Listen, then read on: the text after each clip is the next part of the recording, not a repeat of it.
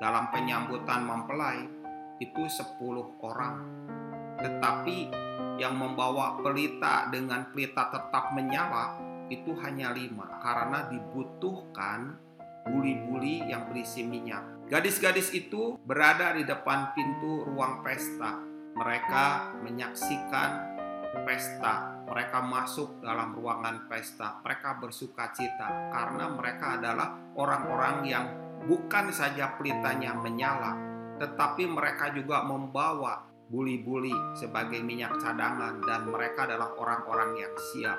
Sementara teman-temannya membawa pelita, tetapi pelitanya padam karena mereka adalah orang yang tidak siap.